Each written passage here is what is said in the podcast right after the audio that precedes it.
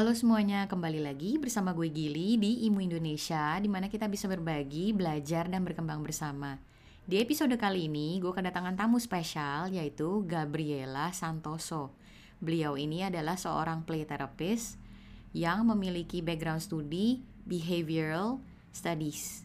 Nah, di sini kita ngebahas banyak kiat-kiat yang bisa dipakai oleh guru musik di kelasnya untuk menghadapi anak-anak. Yuk, langsung aja disimak. Satu. Selamat pagi, Gabriela Santoso. Pagi, Gili. How are you? Doing great. Oh, Thank you. How about great. you? I'm great too. Thanks for asking. Anyways, thank you banget ya, Gaby, udah bersedia jadi narsum di IMU pagi-pagi gini. Hmm, aku juga thank you nih udah diundang buat ngobrol. I'm sure it's gonna be a very um, lovely talk with you. thank you, thank you. Gaby, pengen nanya-nanya nih. Ini aku lihat profil kamu nih. Um, kamu tuh seorang terapis sekaligus coach. And the thing is, you took behavioral studies and communication as your major. Itu it was my dream. It was my dream. Loh, kok jadi kayak layangan putus ya? yeah, it was my dream. Anyways, jadi pengen nanya nih, um, nih kamu udah belajar begitu banyak tentang behavioral studies gimana sih supaya seorang anak bisa memiliki kemampuan mengekspresikan diri and aware with their own feelings? Oke, okay, so pertanyaan Gili ada dua ya. Yang satu aware, yang satu express. Hmm. Nah, kalau untuk aware, itu kita bisa bantu dengan yang namanya reflection. Jadi misalnya, uh, how old is the child that you're thinking of? Kayak sebut aja umurnya. Kira-kira umur berapa? About uh, about four to seven. Four to seven. Oke, okay, let's say um let's say four. Four kan masih lumayan uh, kemampuan untuk bicara, ekspresi, menjelaskan perasaan dia kan mungkin belum begitu tinggi. Dan mungkin kita bisa ngelihat dia misalnya uh, banting bonekanya atau banting mobil-mobilannya. And then we can reflect on that behavior rather than kayak ih nakal ngapain sih banting-banting? Nah that's that's like scolding kan. Tapi kalau kita bilang oh aku lihat kamu banting mainan kamu. What's wrong? Gitu. Ada apa? Kamu ngerasa hmm. apa? Uh, I see you're screaming and crying. Kelihatannya kamu kayak lagi kesel ya lagi marah.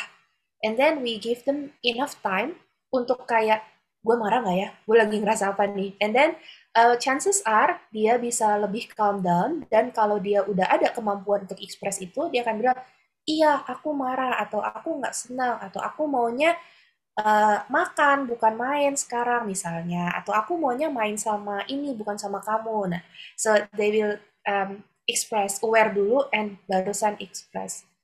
Tapi uh, special note for the expression Seseorang akan mengekspresikan perasaannya saat dia merasa aman dan punya ruang untuk berekspresi, no matter how old. Misalnya nih, kita lagi bete banget, gini lagi bete banget, terus mau curhat ke aku misalnya. Kamu udah datang dengan kayak gue mau curhat gue bete banget nih, baru kejadian. And then you see me, kayak lagi sibuk telepon terus dan lagi kayak ngetik semuanya, I guess you would kind of back down dan ngerasa this is not the time for me to talk, to express all my feelings. Nah, sama kayak anak-anak juga.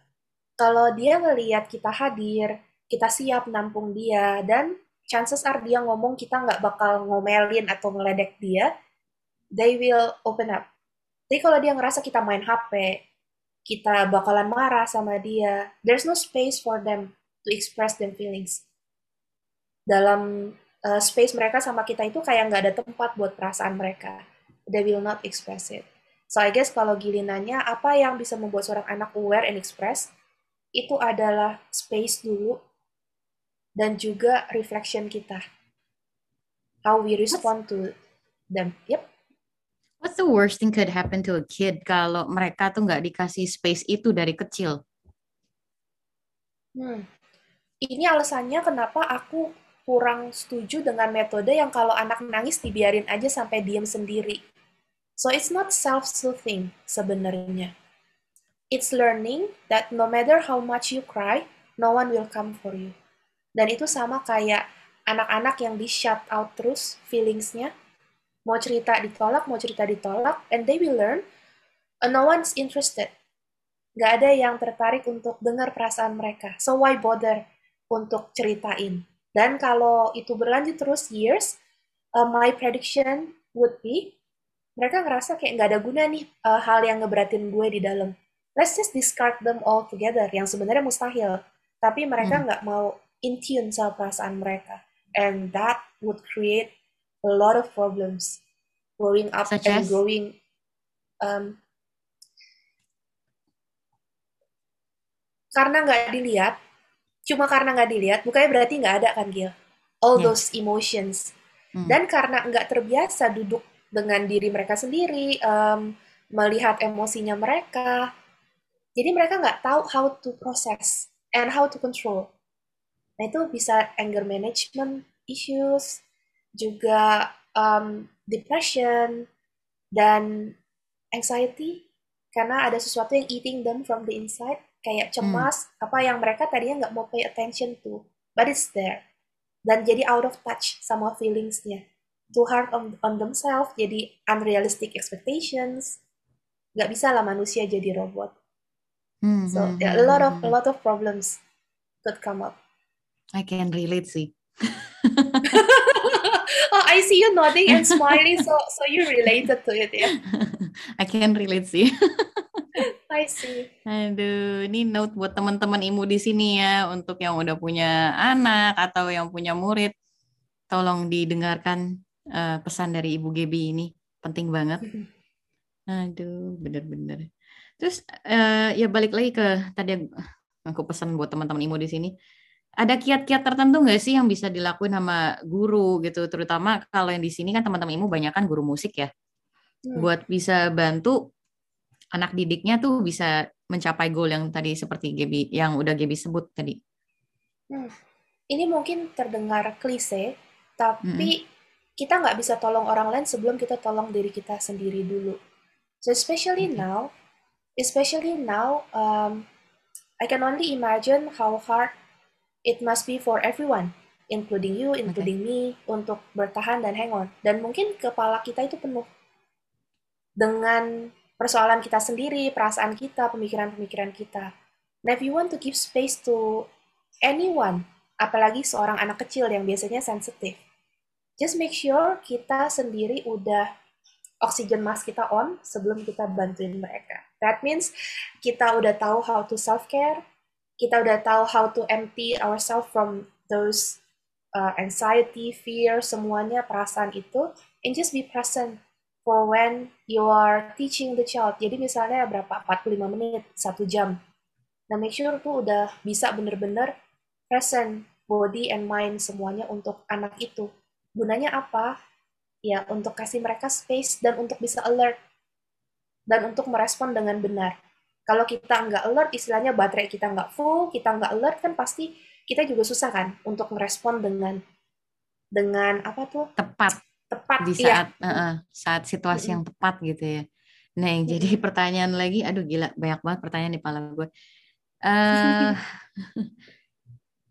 gini loh, jadi guru buat be present and understand all these things itu nggak mudah, ya kan? Untuk mengerti dirinya sendiri dulu dan uh, dan dan sebagainya it took me years to be in this kind of uh, this kind of state.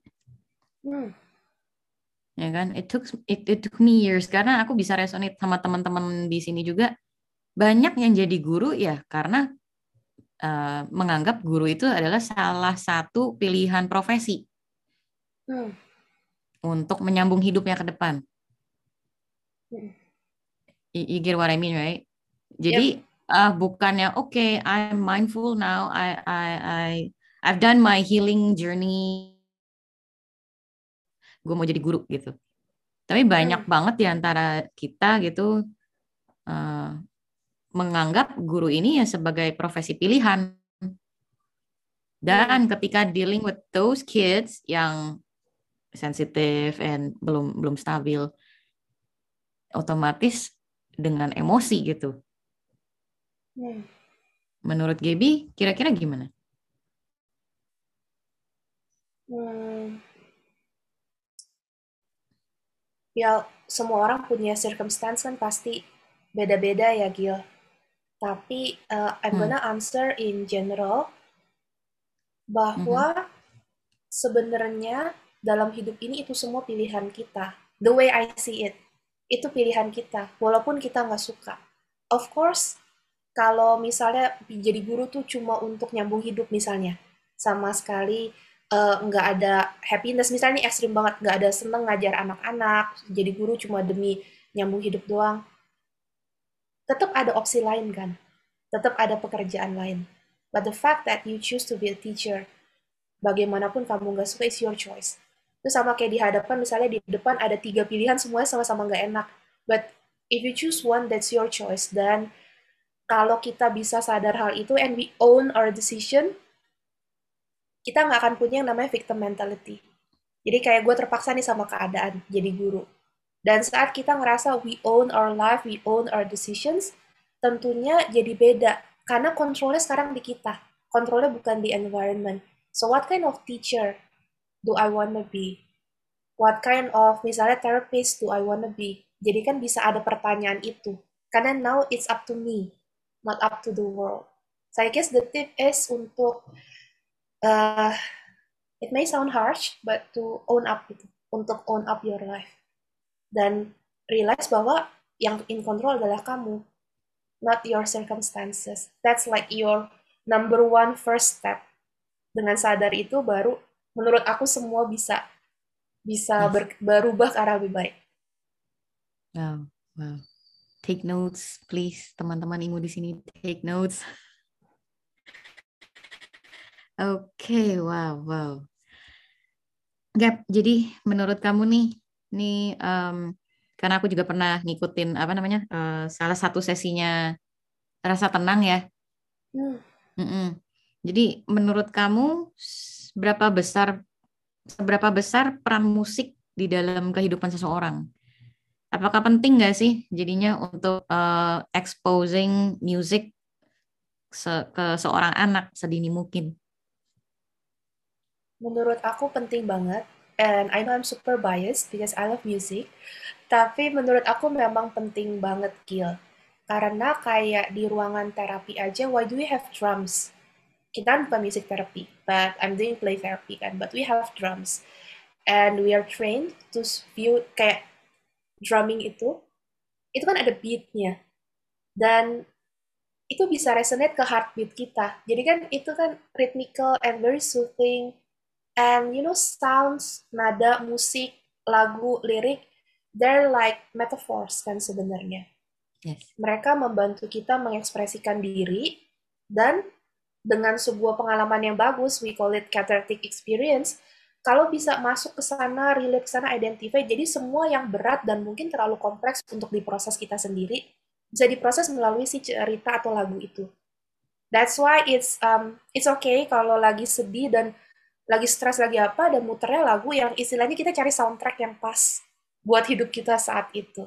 And that really helps us process. Jadi penting nggak musik? Penting banget. It helps us deal with life dengan cara kita make sense of ourselves and what's happening in our life. Cool. Wow. Ini jadi sebagai founder dari Rasa Tenang nih, visi misinya Gaby ini sebenarnya apa sih? Sebenarnya rasa tenang itu adalah uh, kenekatan, kalau boleh dibilang, kenekatan untuk gabungin hal yang jarang ya dilihat. Bahkan di luar negeri sekalipun gitu, ada storytelling digabung dengan lagu, tapi digabung juga ada tujuannya mental health. Jadi aku tuh kepingin, bener-bener pengen banget, ada satu form of entertainment yang juga bagus buat mental health. Karena kalau aku buka webinar, which I do juga, itu kan udah settingnya langsung education dan kesannya berat. Tapi Yes. kalau kita entertainment, who doesn't love a good story kan? Who doesn't Yes. love a good a good song? Dan apalagi bisa bisa relate ke kehidupan kita and help us think. Ada waktu, ya namanya kan rasa tenang, ada waktu sedikit lah untuk tenang, to process life, and just to come up better setelah sesi itu. So we've received stories yang orang-orang bisa tidur lebih enak setelah ikut rasa tenang, atau ada yang udah tidur dari tengah-tengah sesi setelah berhari-hari nggak tidur.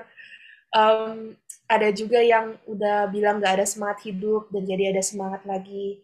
Ada yang bilang relate banget dan um, people might find this silly, but we have mm -hmm. people yang memang rutin datang hanya untuk nangis wow. during the sessions.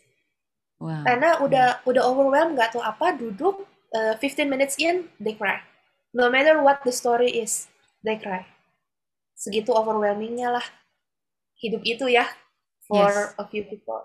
And yes. I can relate. So that's why aku bikin ini. Semoga ini jadi gateway orang untuk lebih aware dan peduli ke kesehatan mental dengan wow. cara yang nggak intimidating menurut aku. Wow, wow.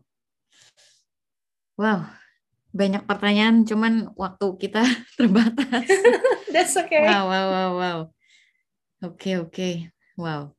Jadi, uh, Gap, kamu ada hmm? ini nggak ujangan buat teman-teman IMU di sini gitu, yang mungkin mereka profesinya guru musik, terapis musik, ketika harus ngadepin anak-anak atau klien mereka gitu dengan segala kondisi, gimana nih?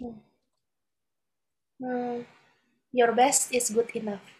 Jadi kan ada standar-standar apalagi ngelihat kiri kanan kok dia bisa kayak gini, kok dia bisa kayak gono. I suggest makanya kenapa kayak aware of yourself first, bisa self care, bisa apa untuk tahu bahwa kamu tuh beda, kamu juga punya keunikan kamu sendiri, your own strengths, and just being your best gitu, kasih your best dengan cara siap-siapin bahan tentunya ya, materi semua, siapin bahan and just kayak being present. Your best is good enough. Nggak usah kayak ngerasa kayak gue harus uh, kayak A kayak B kayak J. Of course this doesn't mean you don't improve yourself. Pasti kan selalu belajar selalu improve selalu cari hal yang baru. But just know that your best is good enough and try to have fun in the process. Karena misalnya ada yang tadi ekstrim nggak suka pun dia jadi guru. It's still part of your life. And you're giving the children something yang much more valuable than money, yaitu waktu kamu yang adalah hidup kamu. It's like an hour of your life. It's like maybe five hours of your life yang kamu kasih untuk mereka. Why don't you just have fun in the moment juga? So you can enjoy life more. Itu dari aku. Gap, aduh banyak banget yang pengen diobrolin, cuman balik lagi waktu terbatas. Um, ini pertanyaan terakhir karena kita udah di penghujung acara. Apa nih impiannya seorang Gabriela Santoso ke depannya? Ke depan uh, berharapnya rasa tenang bisa bikin event lagi tahun ini because we're on a break. Uh, dan eventnya itu semoga bisa on site melihat situasi yang sepertinya hmm. hopeful semoga bisa on site terus juga um, in my therapy settings and coaching settings, aku juga lagi mempersiapkan sebuah group coaching program untuk resilience. Jadi how to make sense of life and build resilience. I think people need it right now. Yes. And in terms of storytelling, masih berhubungan dengan si rasa tenang, I'm hoping, I'm hoping I meet a good illustrator supaya aku bisa bikin buku bergambar for adults yang nice. isinya dongeng. Wow. Wow, cool. Wow, mudah-mudahan tercapai soon ya.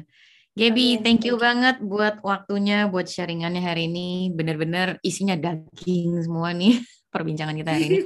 Jadi nih teman-teman Imo di sini nanti nanya gitu, Gil, eh mau dong kontekan sama uh, Kak Gaby nih, mau ngobrolin lebih dalam lagi gitu kan? Bisa hubungin okay. Gaby lewat mana nih? Uh, fastest would Ada be my Instagram, Instagram atau apa? Gitu. Can you Masa ini? Oke, okay, uh, should I just say it out loud Sebutin? atau should I write? Uh -uh. Oke, okay, uh, yes. at yeah. MS short for Miss, so at MS Miss Gabriela Santoso double L at Miss Gabriela Santoso. Oke, okay. untuk rasa tenang ada ininya, ada Instagramnya juga?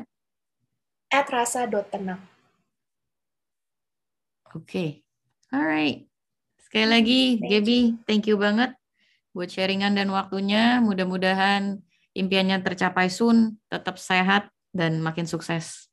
Thank you Gili, you too and keep in touch. Ya, thank you. Terima kasih untuk teman-teman Imu Indonesia yang telah menonton podcast kali ini. Jangan lupa like dan klik subscribe. Apabila merasakan manfaatnya, silahkan di-share. Dan apabila teman-teman ingin mengikuti perkembangan Imu Indonesia, silahkan follow kita di Instagram at imu underscore Indonesia. Juga bisa di Facebook page kita, yaitu Intelligence and Music. Sampai jumpa kembali di episode berikutnya.